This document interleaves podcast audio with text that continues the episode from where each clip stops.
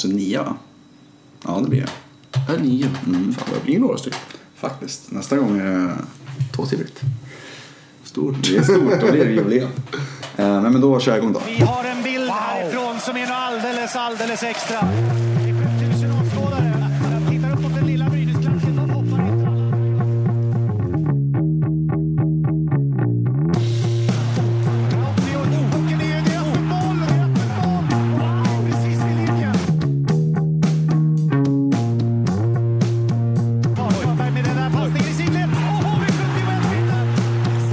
Välkomna till ett nytt avsnitt av Situationsrummet, SHL-podden som görs i samarbete mellan Hockeysverige.se och svenskafans.com. Jag som pratar nu heter Måns Karlsson, redaktör på Hockeysverige.se och med mig har jag från Svenska fans Viktor Ahlner. Ja, precis. Lite förkyld idag har jag förstått som. Ja, jag börjar väl drabbas av det som du drabbades av för några veckor sedan. Vi har, vi har tre veckors heshet att vänta Ja, från- men precis. Men, äh, det ska nog gå bra det här. Det är ju uppehåll nu i SHL. Börjar du få någon abstinens efter matchen? Eller, eller tycker att det är skönt att det kommer lite, lite uppehåll? Ja, just nu är det ju väldigt skönt, tanke på att man själv börjar bli... Ja, man kan själv behöver ett uppehåll. precis. Ja. nej, men det är väl klart. Alltså, nej, men... Ja, just de här korta uppehållen är inte så farliga. Nej, faktiskt. Det är ju... Det kan vara ganska skönt med ett litet avbrott Ja, nästan från jag, matchen. jag har egentligen, och jag tänker just tanke på det stora skadeläget som har varit i många lag så Verkligen. tror jag att det är precis som många klubbar önskar också. Och det är många klubbar som sitter där och håller andan och hoppas på att deras stjärnor inte ska gå sönder nu under Ja, det är landslagsuppehållet. ju det då. det- Jag tror Skellefteå-fansen som har hela sin första kedja borta känner nog att nej, inte, gå inte in i duellen där Jocke. Liksom. nej, nej. Det kan ju ont med landslag då. Men Det kan ju det. Det känns som att det är där eh, de så här onödiga skadorna kommer. Eh, Men vi, ska prata lite landslag faktiskt, lite senare. Eh, Gå in lite kort på Tre Kronors äventyr borta i Finland där de är nu. De spelade ju i Örebro i, på onsdagskvällen här. Men vi måste ju ändå börja med den stora nyheten. De får, de, jag vet inte hur de gör, Rögle. Men de, Nej. får alltid, de tar alltid fokuset alltså. Ja, de tar ju vårt fokus Ja. väldigt bra den här säsongen. Eh, vi kommer aldrig, vi kommer aldrig undan. Nej, men nu kanske vänta lite mer. Ja, nu är det faktiskt så. Eh, det är lite allvarligt nu. Ja. Eh, att eh, Eldebrink, Rögles huvudtränare, har fått lämna sin post. Eh, äntligen. Ja, vi har ju varit inne på det. så? Vi har varit inne på det nästan hela säsongen. Man har ju nästan bara väntat på att det här skulle ske. För Mm. man har ju sett signalerna att det ser ju inte bra ut. Sen hade de ett par matcher där det började se bra ut. Men sen har de ju fallit ner. Jag tror de har sex, hade sex raka förluster när han fick, fick lämna. Ja, jag tänker Rögle ligger fortfarande sist. De har legat nere i tabellen sedan säsongstart. Det har inte funnits någon indikation egentligen på att det har blivit gått något bättre.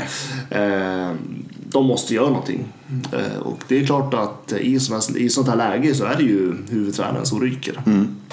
Och han eh, var ju tredje säsongen i klubben. Han kom 11 första året. Sen förra året då hade de i och för sig extremt mycket skador. Så det är svårt att göra en bedömning på Eldebrink då. Men då kom de ju på 13 plats. Höll sig kvar via kval. Man kanske, då förlängde de ju kontraktet med honom under förra säsongen också. Det tycker jag känner lite, känns som att det sänder lite märkligt signal. För det har ju inte riktigt varit lugn och ro i Rögle sedan han tog över. Det var ju framförallt inte gett några indikationer på att de ska ta nästa steg. Om de gör det så är det snarare för att de har fått ett, har ett bättre lag nu. Jag tycker inte det är så mycket Eldebrink om de hade kommit 11 i år. Då tycker inte jag att man kan säga ah, vilken geni Eldebrink är. Så jag tycker att den här förändringen kanske borde ha gjorts redan efter förra säsongen. Eller är jag för hård då? Nej, jag håller helt med dig. Sen alltså, ur historiskt perspektiv så har ju Rögle haft otroligt svårt att ta nästa steg. Exakt, ja, han har i alla fall lyckats etablera dem. Ja, de har etablerat dem, men eh, frågan är hur etablerad man blir när man nu helt, helt plötsligt åker ut egentligen den säsong som man kanske ska ta nästa steg Mm. istället. Eh, och historiskt har Rögle haft problem med det här och eh, att man istället tar ett steg tillbaka och man faller ut som eh, det finns ja, i alla fall en chans, eller en Ja, risk jo, jo, ska det gör det. att Det man, man att de säga. gör den, den här säsongen. Eh, så att, jag, jag håller med, jag förstår inte heller riktigt varför man förlängde med honom. Jag tycker att Rögle skulle kanske ha vågat eh, utmana sig själva lite grann också och, inte, och lämna den här trygghetszonen. Att, eh, men ja, de valde att förlänga. Nu fick han gå.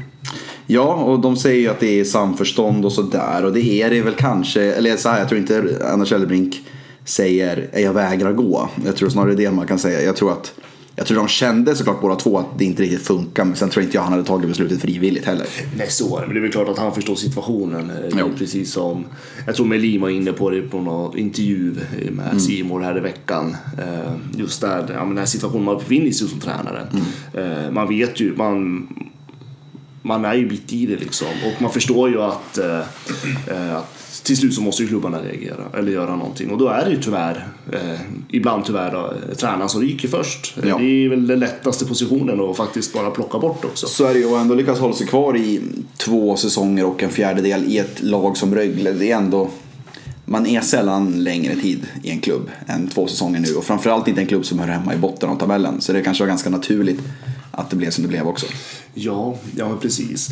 Eh, Men det verkar inte vara några indikationer på att eh, de letar vidare. Nej, det verkar ju som att de är nöjda med, med de de har nu. Det är Patrik Ross då, som ju tidigare har varit headcoach i SHL, visserligen bara ett par månader innan han valde att avgå. Det var när Örebro var nykomlingar. Han avgick då efter 12 raka förluster. Och har ju sen dess, eh, sen var han ju tv-expert för SVT ett par år och sen klev han ju in i Rögles eh, ledarstab under förra säsongen, mitt under säsongen. Eh, när det också var väldigt mycket snack kring att Eldbrink skulle få gå, då valde man ju att sparka de assisterande tränarna istället och plocka in två nya där. Och nu är det ju de två som styr, det är Patrik Ross och så är det ju då Roger Hansson som är en eh, Rögle-ikon och har haft många positioner i klubben. Han har varit general manager, han har varit i J18-laget, han har varit junioransvarig och så nu är uppe i SHL. Så det är, en, det är två kompetenta herrar och sådär men ingen har ju riktigt den erfarenheten som Eldebrink har såklart. Så att man vet ju inte hur det, det är svårt att säga vad, vad det här kommer ge såklart. Tror att det kan vara ekonomiskt som Precis. Mm. eh, styr lite grann att man väljer att fortsätta med eh, den här duon då. Mm. Tror du det? Det tror jag absolut att det är. Och eh, jag har svårt att se att Rögle har den ekonomin för att kunna betala två huvudtränarlöner. Och jag har svårt att se att Eldbrink får något nytt jobb speciellt snabbt heller. Vilket gör att då måste man betala ut den här lönen och i och med att de förlängde kontraktet också med Eldbrink så jag tror inte han gick ner i lön det kontraktet, utan snarare tvärtom. Sällan man förlänger ett kontrakt och går med på en lönesänkning så han är säkert mer i lön än vad han hade motsvarande läge för ett år sedan också. Eldbrink. Så jag tror absolut att det har med ekonomin att göra. Samtidigt som då, som vi har ju sett och som det har pratats om hela hösten, att tränarmarknaden är ganska tunn. Det finns inte de här jätteheta namnen där ute. Eh, Det hetaste kanske var liksom Leffe Karlsson, han gick ju till Leksand. Eh, Och mer än så finns det ju inte egentligen. Så att, Nej, jag håller med. Nej, det ska bli intressant att se hur eh, Rögle löser den här situationen. Ja. Nu har de ju, det är ju ändå ganska långt kvar på säsongen. ja, och de har ju absolut häng på en, på en säker plats. Det är inte många poäng upp. Nej, nej men precis. Men ja, Det är fem poäng upp just nu till, till Mora och då har Rögle som en match mindre spelad. Så att de har ju ändå häng upp om de skulle få ordning på det. Och tycker att det är bra att de gjorde den här förändringen nu istället för att vänta en månad till eller två. tror du att Rögle får ordning på det? Nej, det tror jag inte. Nej. Jag, tror, jag tror att de får kvala. Jag tror att det är de och Karlskrona som kommer få kvala. Det tror jag. Det känns som att det är för rörigt i klubben. Och vi ska komma in på det nu också, det är kanske är en naturlig övergång. Men just det här med general manager eller sportchefsrollen också då. Som Masken Karlsson ju hoppade av här veckan. Ska köra säsongen ut, är det ju sagt. Ehm, Man behövde ingen lång eh, rekryteringsprocess innan man hittade Chris Abbott som en bomb som liksom presenterades idag som den nya sportchefen i Rögle. Tufft beslut att ta in en sån kille. Tufft och modigt Ja. skulle jag säga. Eh. Men ändå ganska uppfräschande. Ja, alltså det, är kul, alltså det är roligt med ett nytt namn i just alltså, sportchefssammanhanget eh, sammanhanget, eller vad man ska säga. Mm. Precis. Eh, ganska modigt också tycker jag att som ny i, alltså man är ändå rocky i sportchefvärlden eller i den karriären Ja. eh, ta sig an en, en organisation som Rögle Ja. eh, som befinner sig där de befinner sig. Eh, jag kan tänka mig att det är ganska begränsat ekonomiskt utrymme man Mm. har att göra med. Eh, hur man, och, just det här precis som vi pratade om tidigare, den här ja, men kanske osäkerheten kring var Rögle kommer stå nästa säsong. Precis. Och att man är helt ny, oerfaren sportchef i den situationen. Eh, det kan bli en jäkla utmaning. Ja, och vi pratade om det, jag tror det var förra avsnittet. Det här med det här sportchefsvalet kommer bestämma väldigt mycket vilken riktning Rögle vill gå. Nu valde man ju också att göra sig av med Eldebrink eh, innan man presenterade den nya sportchefen. Så det var väl ändå en liten indikation. Men det, jag tycker ändå att det liksom är... Det är, känns som att det är inte riktigt, alla pusselbitar finns inte riktigt i Rögle. Det känns som att de fortfarande inte riktigt vet vad de vill. Nu tog de in ett nytt namn men man vet ju inte vad han tänker som sportchef. De har två tränare som man inte vet, sitter de kvar säs- när säsongen är slut? Sitter de ens kvar liksom hela den här säsongen? Det känns som att det är fortfarande många pusselbitar, många lösa trådar som Rögle måste få på plats och måste dra ihop på något sätt. Och så är det ju absolut. Eh, Och det är väl också därför de befinner sig där de befinner sig. Ja. Tänker jag. Eh, Det är en organisation som inte riktigt eh, eh, det fungerar inte väl ut. Sen om det är ekonomiska faktorer eller om det är rent organis- organisatoriska faktorer, det, Mm. det kan jag inte svara på. Men det är någonting som inte stämmer i Rögle. Så är det. Två korta saker innan vi lämnar Rögle. Ehm, han- Chris Abbotts tvillingbrorsa Cam Abbott är ju faktiskt coach i Växjö just nu. Så han har också slagit sig in på ledarsidan. Kanske kan bli en återförening i Rögle. Båda var ju där de slog igenom en gång i tiden, eh, bröderna. precis. Eh, och sen är det det här med att Chris Abbott inte börjar sitt jobb förrän första maj. De, sen skrev de i pressmeddelandet om man inte vill eller kan tidigare. Och det, sänder, det tycker jag ändå sänder signaler att okej, de tänker att Masken ska bygga nästa års lag. Vad ligger hans motivation att bygga ett starkt Rögle-lag i det här läget? När man inte ens vet vilken division man ska vara i och när man vet att han ändå ska sluta för att det kommer en ny första maj 2018. Jag tror och tänker att på något sätt så kommer han få någon introduktionstid. Ja, alltså, känns det känns som att Chris måste ta över ganska snart. Precis, och jag tänker att han och Masken kommer tillsammans att eh, inleda nästa års, eller nästa alltså silly Ja. Och sen kommer Chris att ta över helt då, mitt i där vid maj. Ja, det är jag, väl- jag tror att det är så man tänker. Man får väl hoppas det. Ja, men, det då är det två, men då är det två löner som ska betalas där ändå då, kanske. Om det Chris Ja, börjar tidigare. ska ju vara klar, kvar hela säsongen säger Precis. Så att han, det antar jag att de räknar med. Mm. Eh, Men man får väl tänka långsiktigt i det, tänker jag. Ja, eh, det blir intressant att se hur de löser. Vi får säkert anledning att återkomma till Rögle. Men förhoppningsvis blir det lugnare ett par veckor nu i alla fall. Ehm, det har ju hänt en grej ja, idag. Vi, vi spelar in här på torsdagskvällen och det presenterades ju en ny spelare till SHL då. Mike Webber som kliver in i Frölunda. De har ju varit på jakt efter en back. Nu utnyttjar man ett kryphål i systemet för att de har tagit in honom på korttidskontrakt och det får man göra för att ersätta en skadad spelare. Och de gjorde det så fiffigt att de ersätter ju den skadade centern Patrik Westerholm med backen Mike Webber för att det får man göra. Eh, kringgå systemet lite grann där. Ja, så länge man får göra det. Ja, det får man ju. Eh, sen hur moraliskt rätt det är, det vet man väl inte. Men eh, han är en 29-åring amerikan. Jag har sett honom en del i NHL, men han har ju fört en ganska anonym tillvaro där, även om han har hållit sig kvar i ligan och spelat 350 matcher. Det här är ju en ganska orörlig och fysisk back, defensiv back. Och det känns som att de brukar kunna ha, när man har spelat, när man har spelat i Nordamerika så pass länge som han har. Eh, han har ju liksom varit där hela karriären, har inte varit i Europa och testat på spel förutom några matcher under lockout-säsongen 12-13. Han var i norska ligan. Jag, tycker, jag tror att det här är en risk för en eh, megaflopp faktiskt. Ja, alltså, Inte för att han är en dålig spelare utan för att om man går till historien och ser hur sådana här spelare funkat i Sverige förut. Det är mer det jag tänker på. ja, alltså jag har inte heller koll på den här spelaren Nej. eh, riktigt. NHL är väl inte den ligan jag följer så slaviskt. Nej. Eh, och eh, kan vi inte säga att namnet känns bekant på något Nej. sätt. Eh, Men det är som du säger, det, är ju en, eh, det känns lite som en chansvärvning om man tittar. Och det är kanske därför de ville göra bara korttidskontraktet och men sen absolut. se hur det löper ut. Då har har de faktiskt möjlighet att bryta efter sju veckor om det skulle visa sig att det är en superflopp. Absolut, och sen är ju alltså, jag tycker egentligen tycker jag man pratar om Frölunda lite för lite. Det är ju ändå ett lag som absolut inte har gått efter förväntningarna. Vi har gått en tid nu in i SHL. Mm.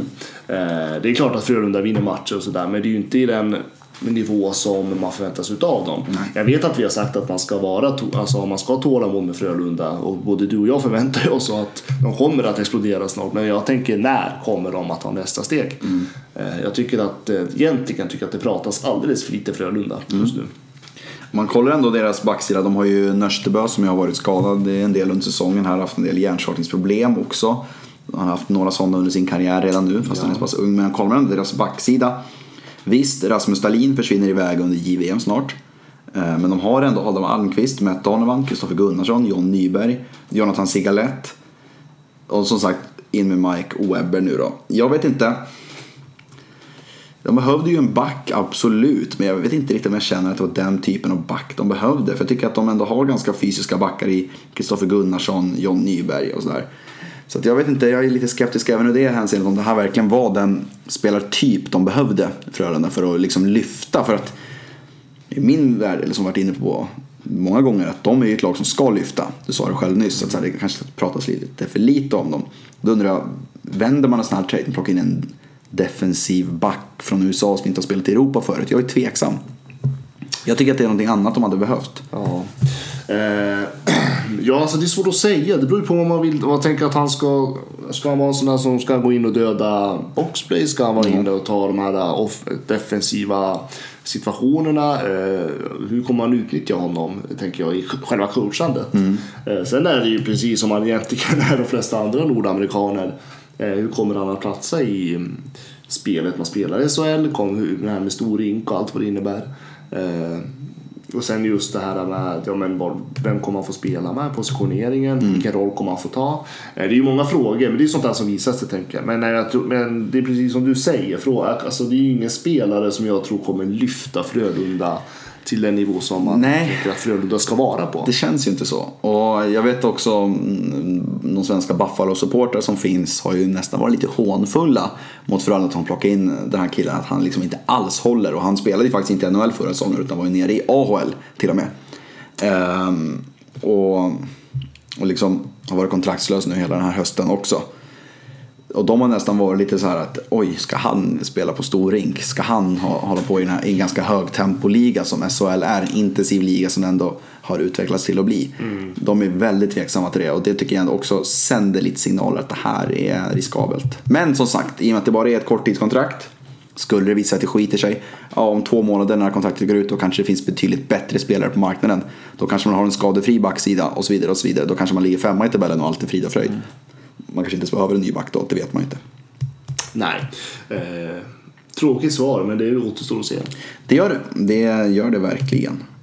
Vi eh, gör för ovanlighetens skull en liten tripp bort från SHL då och snackar lite Tre Kronor för de vann ju igår med 5-3 mot Tjeckien i sin första Karjala Tournament-match. Det var SHL-spelare som briljerade. Dick Axelsson med två mål, hade ett fint samarbete med jag tror Andres, André Petersson. Skellefteåkedjan med Möller, Lindholm och Lindström var, som har varit väldigt dominanta i SHL sista tiden. Gick in och gjorde bra ifrån sig även igår. Och några andra namn som också stack ut. Eh, Det kommer in ett gäng nya, eller ett par nya SHL-spelare också till matchen mot Kanada imorgon. Då kommer Simon Bertilsson och Rasmus Dahlin in i laget. Ehm, Det här är ju en speciell säsong alltså. Man frågar alltid om, man snackar om OS på ett sätt eh, som man inte gjort tidigare såklart. Och de fick en bra start på säsongen i alla fall, eh, Tre Kronor. Absolut, eh, och det är klart att för SHL-spelarnas del så är det ju en oerhört intressant säsong Mm. att vara i landslaget just nu. Eh, Särskilt när det blir den här oroligheten som vi märker i KL också. Det här Precis. Mm. snacket som går. Eh, Som jag inte riktigt vet hur det ser ut just nu i nuläget. Nej, man vet ju aldrig med, man vet ju aldrig med Ryssland om det är tomma hot eller om det är faktiska hot. Ja, man, det är ett svårläst Nej. land och svårläst Det lämnar ju ändå vidöppet till Ja. SHL-spelarna att eh, det finns någonstans en kanske ännu större möjlighet Ja. som SHL-spelare att ta plats i eh, OS-truppen. Då. Mm. Eh, så det är klart att eh, det är ju väldigt spännande. Ja, och skulle det vara så att KL, eh, det har ju varit snack om det med doping hit och dit och alltså det har varit väldigt mycket snack om just Rysslands deltagande i OS överhuvudtaget. De blev väl mer eller mindre bannade här från friidrotts-VM förra året exempelvis och det var ju snack, det var ju massa som blev diskvalificerade från att delta i OS i Rio. Vi har sett några skidåkare här nu, Alexander Legkov och Maxim Vylegzjanin exempelvis, två av de största stjärnorna som får livstidsavstängning från OS. Man vet ju inte hur Ryssland kommer ställa sig till det där om de ens vill vara med i hockeyturneringen och så vidare. Och så vidare. Sen fanns ju hela den här kyligheten med NHL sen tidigare också då med de ryska NHL-stjärnorna som ju verkligen vill åka men inte får. Så det är ju väldigt mycket, det, känns som att det känns som en ganska stel stämning mellan eh, Ryssland och övriga hockeysfären då. Och då känns det som att halva Tre Kronor-truppen i princip försvinner ju om det skulle vara så att KHL-spelarna inte får vara med. Ja, så är det. Då är det ju i princip renodlat SHL. Ja, det är ett par från Schweiz som kommer vara med. Ja, precis. Det var men det jag annars- tänkte. De ja. från Schweiziska ligan.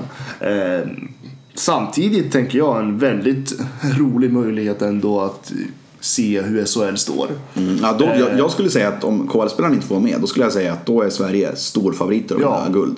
Och då, då, alltså, på, om man tittar ur det perspektivet skulle det vara ganska roligt att följa OS. Ja. Just bara för att se hur ställer vi, alltså hur står våra, tänker, våra stjärnor mot Mm. övriga nationers, nationella ligors Mm. eh, stjärnor egentligen. Eh, så det skulle vara riktigt roligt. Det skulle vara väldigt kul. Det skulle vara som att säga en upphottad SHL, eh, upphot, två upphottade SHL-veckor ungefär fast man Ja men, för... ja men lite så, lite Ja. grann. På det sättet skulle det vara roligt. Men samtidigt, det är klart, det är ju tråkigt när de här stor, största Mm. stjärnorna inte är med. Vi vet att NHL inte är med. Då hoppas vi såklart att KL Ja, bjuder på sig. Men eh, ja, återstår att se. Mm. Men det är klart att allt, när allt det här snacket går, det är klart att man som SHL-spelare känner nu när man får de här som får chansen i landslaget vid de här mindre turneringarna att det är en enorm möjlighet att faktiskt få uppleva kanske sin största dröm, att få spela OS. Ja. ja, det måste ju vara väldigt speciellt att ta en sån kille som Dick Axelsson exempelvis som ju var super efter Robert, eller Robert Nilsson som gör comeback, Robert Nilsson gör comeback i landslaget och spelar inte spelat där i sex på sex år. Joakim Lindström har inte spelat på ett par tre år också gör comeback nu för att det är OS liksom.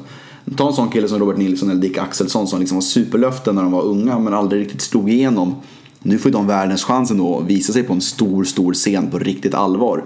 Och faktiskt visa att de ändå blev bra hockeyspelare och sådär. Jag tror att det triggar nog många. Och sagt, Robert Nilsson har inte spelat landslaget på sex år för han har tackat nej konsekvent. Men nu gör han comeback för att visa upp sig här. Så det skulle ju vara...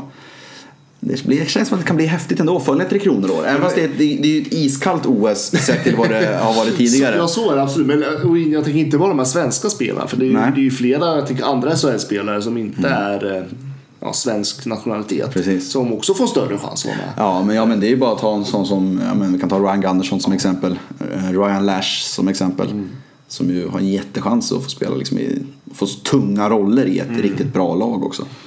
Eh, Så att eh, det är klart att det blir ju riktigt roligt. Alltså om man tittar på det perspektivet. Ja. Sen är det klart att det är skittråkigt. Ja. Att man, att om man tänker hockeyvärlden får man säga så, Mm. på något sätt bara skala ner OS eh, och liksom minska statusen ganska rejält. får man det är ju, ja, men alltså, det är, det är bedrövligt på det sättet Mm. hur man hanterar, hur de här största ligorna hanterat det här, kan jag tycka. Eh, Men eh, ska vi vara positiva till det så är det ju såklart roligt om vi ändå får se riktigt, kanske många SHL-stjärnor. För jag tycker det är också bra reklam för SHL. Mm, det är det. Det blir kul match nu på fredagskvällen här när Sverige möter Kanada i Karela Cup. För Kanada är ju med där första gången på många, många år. Just det. Eh, De har i och för sig inte speciellt många SHL-spelare med. Jag tror bara en eller två som är med i truppen, eh, den här truppen. Men det ska bli kul att se faktiskt. Det är alltid kul att se Sverige mot Kanada. Ja, absolut. Vi går tillbaka till eh, SHL. Ehm, Det har inte bara varit Rögle som har utsett en ny huvudtränare. Utan det gjorde ju faktiskt Brynäs också. Även om man gjorde det för eh, var det en, En ny månad men sedan. gammal Exakt. kan man väl säga. Nej men eh, det vart ju klart att Tommy Sjödin eh, får, eh, ska man säga, vara kvar. Ja, han får, förtro- får förtroende säsongen ut i alla fall. Ja, säsongen ut. Eh, tillsammans med Janne Larsson då. Mm. Eh, jag tänker att det är helt eh, korrekt Ja, av jag. Brynäs. Eh, dels så har jag förstått att det är klart att det är, lite både ekonomisk fråga men också just eh, som jag vet att du var inne på väldigt mycket det här att man har nu har ju Tommy Sjödin fått jobbat med det här laget en ganska lång tid. Ja, som han har ju trots allt haft det laget lika många matcher som Ja, men Melin hade. Och, om man ska, om man, och tittar man på hur Brynäs har agerat från när han tog över så har man ju ändå successivt ändå jag tänker, plåsat om de här mest blödande såren. Ja, precis. Det är klart att det är mycket kvar att jobba på för Brynäs men det finns ju någonstans tänker jag att det blir, nu blir det ändå en trygghet. Man vet vart vilken som kommer leda det här laget, man vet vart Brynäs kommer stå. Eh, nu kan man bara jobba vidare på det här man har. Plus att ju Sjödin, han har ju varit i eh, Brynäs som assisterande tränare under två säsonger under Bulans ledning. Många spelare som är med i år var ju också med förra säsongen. Han har ju redan förtroende hos spelarna sen starten. Så det blir ju ingen ny röst som kommer in för sagt Roger Melin. Det blev helt fel. Det funkar inte alls med den här spelargruppen. Ska man då chansa att ta in en ny utifrån igen? Vad händer om det inte funkar med den då? Om, som eh, Bengtzén sa, varför gå, efter å, eh, varför gå över ån efter vatten? Det fanns liksom kompetensen redan i, i, i, i laget nu. Som sagt, spelet har blivit bättre. Han har ju spelarna med sig. Det är ju alldeles uppenbart. För att nu finns det i alla fall någon sorts desperation, någon sorts kamp även i matchen när de ligger under. Till skillnad från början av säsongen när ett insläppt mål i princip fick hela korthuset att falla sådär. Ja, men Liksom. precis. Eh, det är precis som du säger. Spelarna känner Tommy Sjödin, Sjödin känner spelarna. Ja. Eh, sen är ju också Janne Larsson ett välbekant eh, Ja, han har ju varit många, många år som sätt. assisterande tränare nu. Nu har jag inte huvudet riktigt hur mycket, men det är många säsonger. Det är, så att eh, det är två stycken tränare som eh, har ett stort hjärta för Brynäs. De har ju spelat många matcher båda två. Mm. Ja, verkligen. Eh, är de inte båda? Sjödin har väl spelat flest. eh, Ja, Sjödin är ju uppe på, jag tror det var 700 någonting, Ja. tre. om, ja, någon får rätta mig om jag har fel, men det är någonstans där. Eh, och Janne Larsson är väl också bland topp fem i Ja, spelade matcher i Brynäs historia.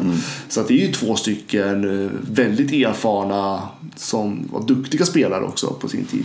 Ja, Som- Janne Larsson som- var ju definitivt toppklass i hela Absolut. SHL. Och Sjödin var ju lagkapten Mm. i några säsonger och assisterande kapten. Så att det är klart att det, det finns mycket hjärta i ledarskapet just nu tänker jag. Eh, Och det är ju roligt för fansen och den här erfarenheten. Eh, Så att eh, jag tycker Brynäs agerade rätt. Tror, om jag säger så här då, tror du att Tommy Sjödin är huvudtränare för Brynäs när nästa säsong drar igång där i september 2018? Ja, alltså huvudtränare nu. Svår fråga. Mm. Eh, jag tänker, om jag, får jag säga det beror på?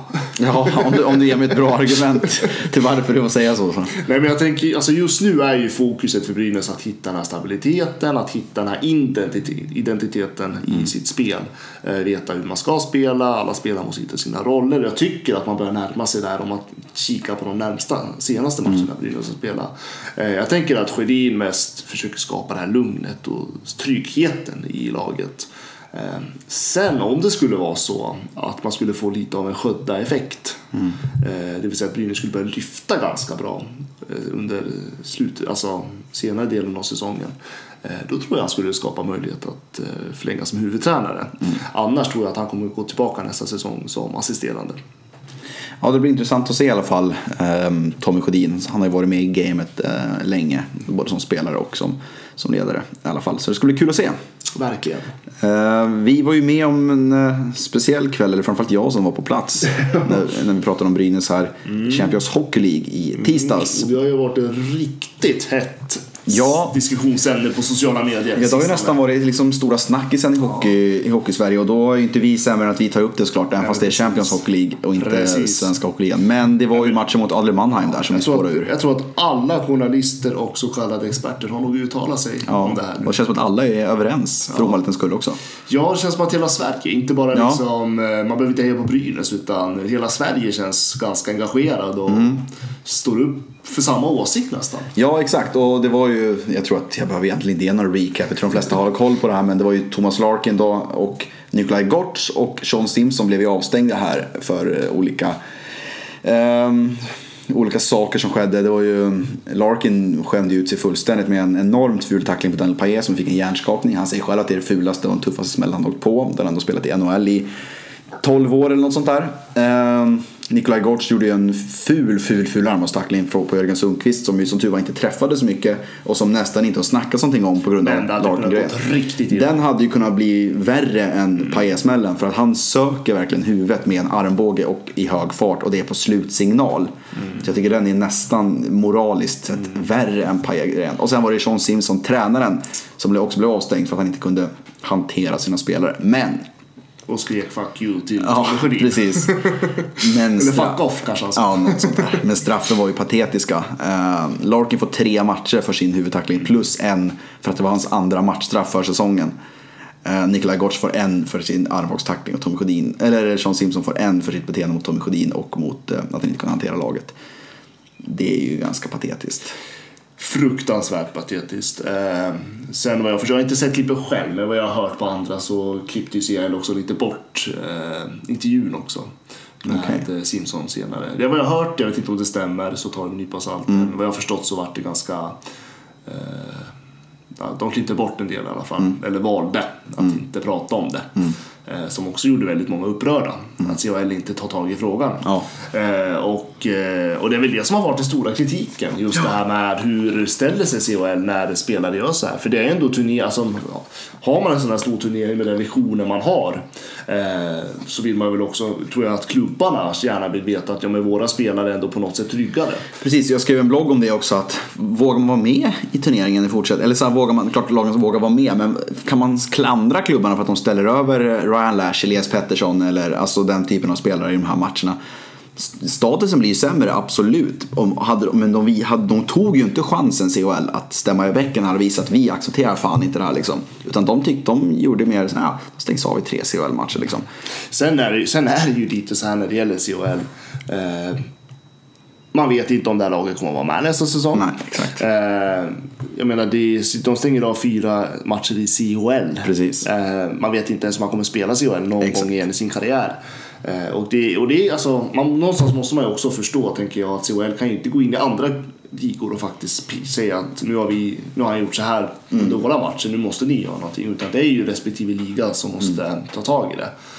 Ehm, men där tycker jag också att man har mycket att jobba på tänker jag. Om man bygger en sån här liga så måste man ju för att jag menar Ja men ta CHL-klubbarna till exempel. Mm. Där är ju liksom, är du med i CHL så måste du vara med, eller är du med i SHL så måste du vara med i CHL-konceptet. Yes. Och då borde det finnas en dialog mellan SHL och CHL. Att Verkligen. händer det här då måste ju ni också agera. Ja. Annars så blir ju inte spelarna tryggade. Eh, och det är precis som du säger, vågar man då som klubb Mm. eh, utsätta sina spelare för det här? Ja, för så här, Mannheim vet ju om, de kommer ju inte möta Brynäs igen. Det kanske, de kanske dröjer tio år innan de möts nästa gång. De kanske aldrig möts igen. De förlorar ju ingenting på att bete sig på det här sättet. Och de åker ut nu liksom. Exakt, och det var ju det Jackie Blomqvist sa i intervjun efteråt också. Att de vet om att de inte kommer mötas, då passar de på att bete sig så här liksom. Och det är lite det, och det är ju farligt alltså. För just fotbollens Champions League, visst man kan skada en spelare allvarligt på fotbollsplan. Men då gör man det inför hela världens kameror till att börja med. Och det krävs väldigt mycket för att man verkligen ska kunna ge Ja, för det kan ju i princip vara livshotande skador man kan ge med en huvudtackling. Som som Daniel Paez som har haft många hjärnskakningar i karriären. Man, kan, man vet aldrig, det kan dröja, han kanske aldrig kommer tillbaka till en hockeyrink igen. Det har man ingen aning om eh, i nuläget. Han verkar ju må, må någorlunda bra men det där kan bli ett bakslag om tre dagar. Sen ligger han i hans sängled i ett halvår. Det har man ingen aning om. Och, så det, hockey är ju en farlig sport och då måste man verkligen känna det här Och tryggandet. just det här, jag tänker just det här, um, just med hjärnskakningar som spökar. Vi läste ju Sanne Lindströms Ja, eh, inlägg på Expressen va? Ja. idag. eh, Som jag rekommenderar alla, som, alla att läsa om man inte har läst den. Eh, Just det här, hur det kan spöka efteråt. Ja, han, kände fort, han var fortfarande sängliggande, kan vara sängliggande ett par dagar i veckan. Det har gått fem år eller något sånt där nu sen han... Och, även, och, jag menar, även om det kanske inte är den värsta hjärnskakningen så blir det ju ändå liksom för att varje hjärnskakning förstör ju någonting. Precis. Någon blir droppen. Ja men det, Som- det, blir, ju- det, blir, ju- Ja. Mm. det blir ju lite så. Eh, nej, jag tycker att eh, hur CHL har agerat just nu och sen att det har i princip varit helt tyst. Ja. Alltså Och Mannheim som klubb har ju också varit tyst. helt tyst. Mm. Eh, så tycker jag att det är helt bedrövligt och eh, jag tycker att eh, det är, man ska nog börja diskutera Mm. om vi ska vara med eller inte. Då tycker jag att vi ska ställa lite högre krav på CHL. Ja, Peter Rönnqvist i Simon trodde att det här kan ju vara början till slutet faktiskt. En sån här enkel grej. Att de inte liksom säger ifrån mer. Ja men det är ju inte bara SHL-klubbarna som reagerar jag, utan alla andra. Hur blir det om vi drabbas av det här? Vad händer om, eh, om IFK Helsingfors kommer med igen? precis. Liksom känna att ska, vågar vi verkligen ta våra bästa spelare på det här?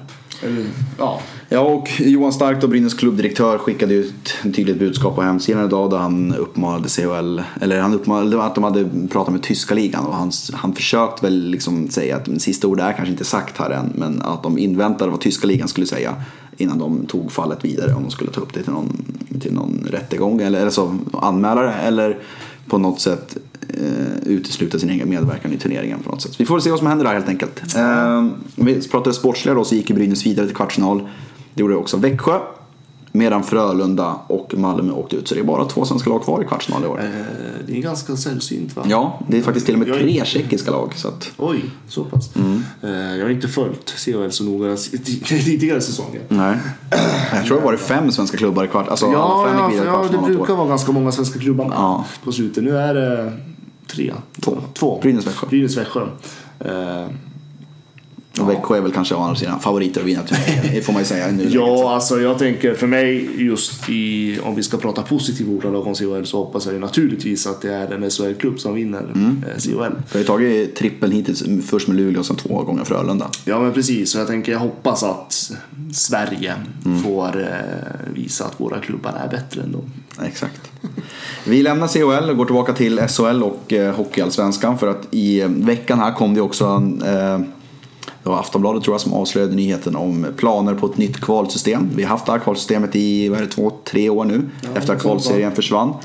Eh, nu har SHL en, ett förslag och Hockeyallsvenskan ett förslag på hur systemet ska se ut och jag kan väl läsa till mer eller mindre. Ja, absolut. Eh, SHLs idé är att lag 13 och lag 14 möter de två bästa lagen i Hockeyallsvenskan, precis som det är nu.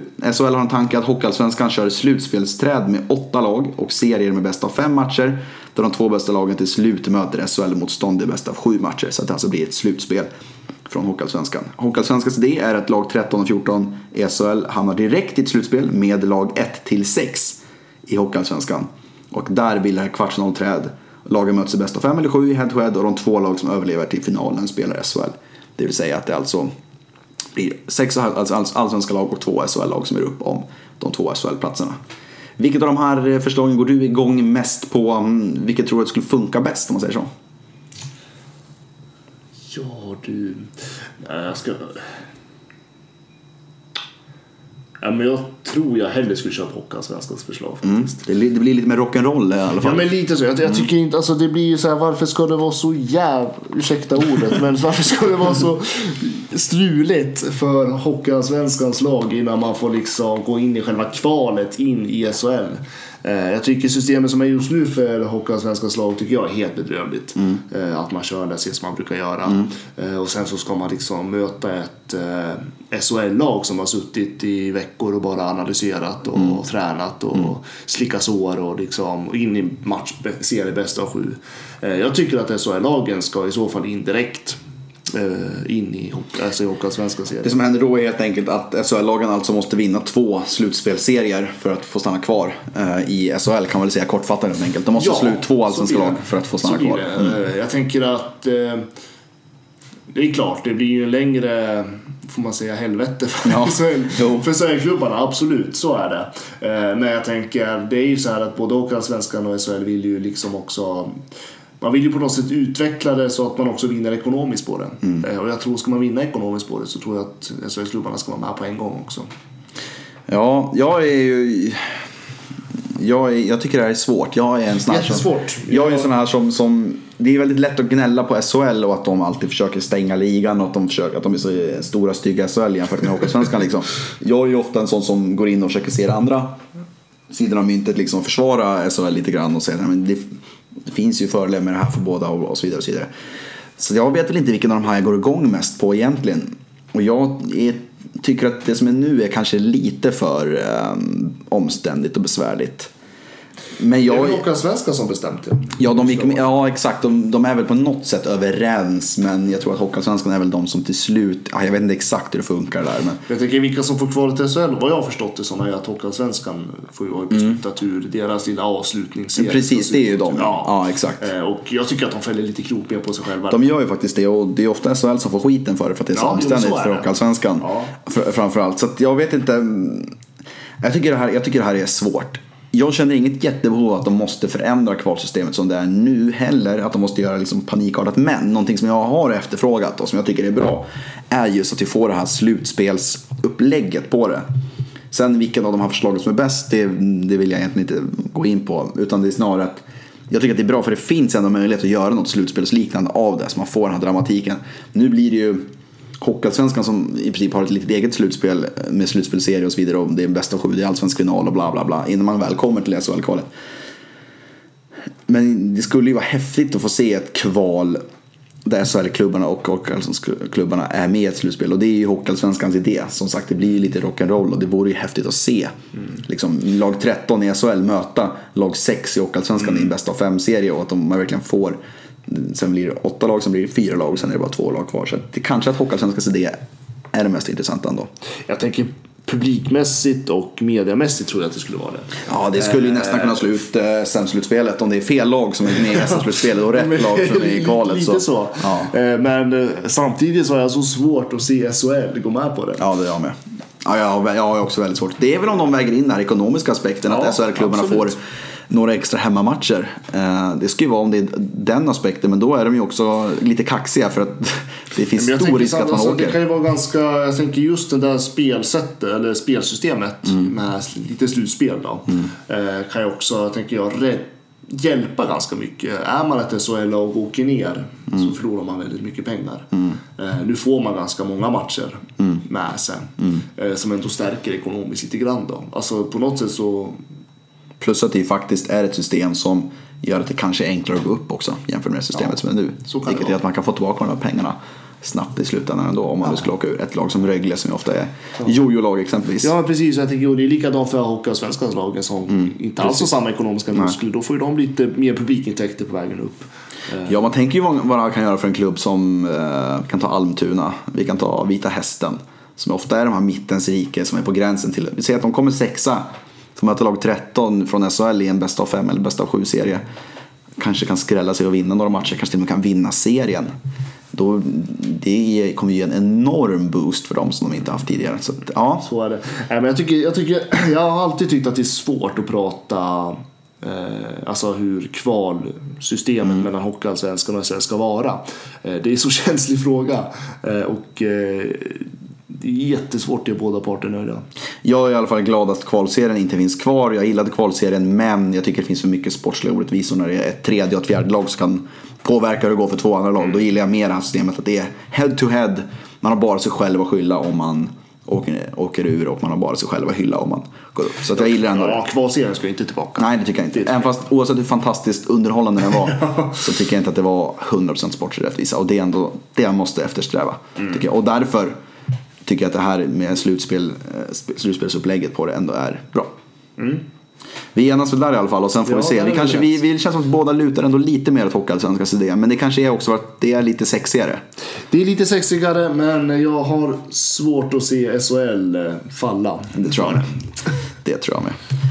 Eh, tiden springer iväg. Vi hade mycket att snacka om idag. Även fast det inte har varit något spel här nu på några dagar.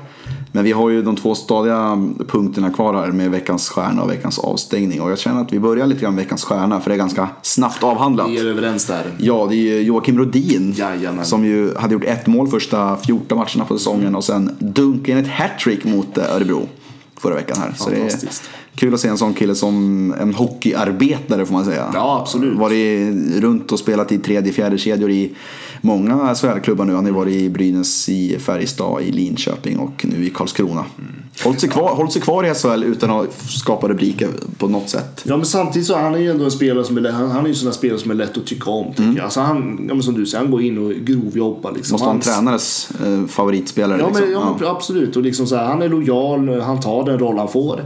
Eh, går in och köttar och gör sitt jobb. Eh, och sen går han in och byter. Alltså, det är väldigt, jag, tror att han, jag tror att han är väldigt enkel att ha som, som tränare. Det tror jag med. Och i och med att han ändå har hållit sig kvar så länge i SHL utan att vara den där stjärnan.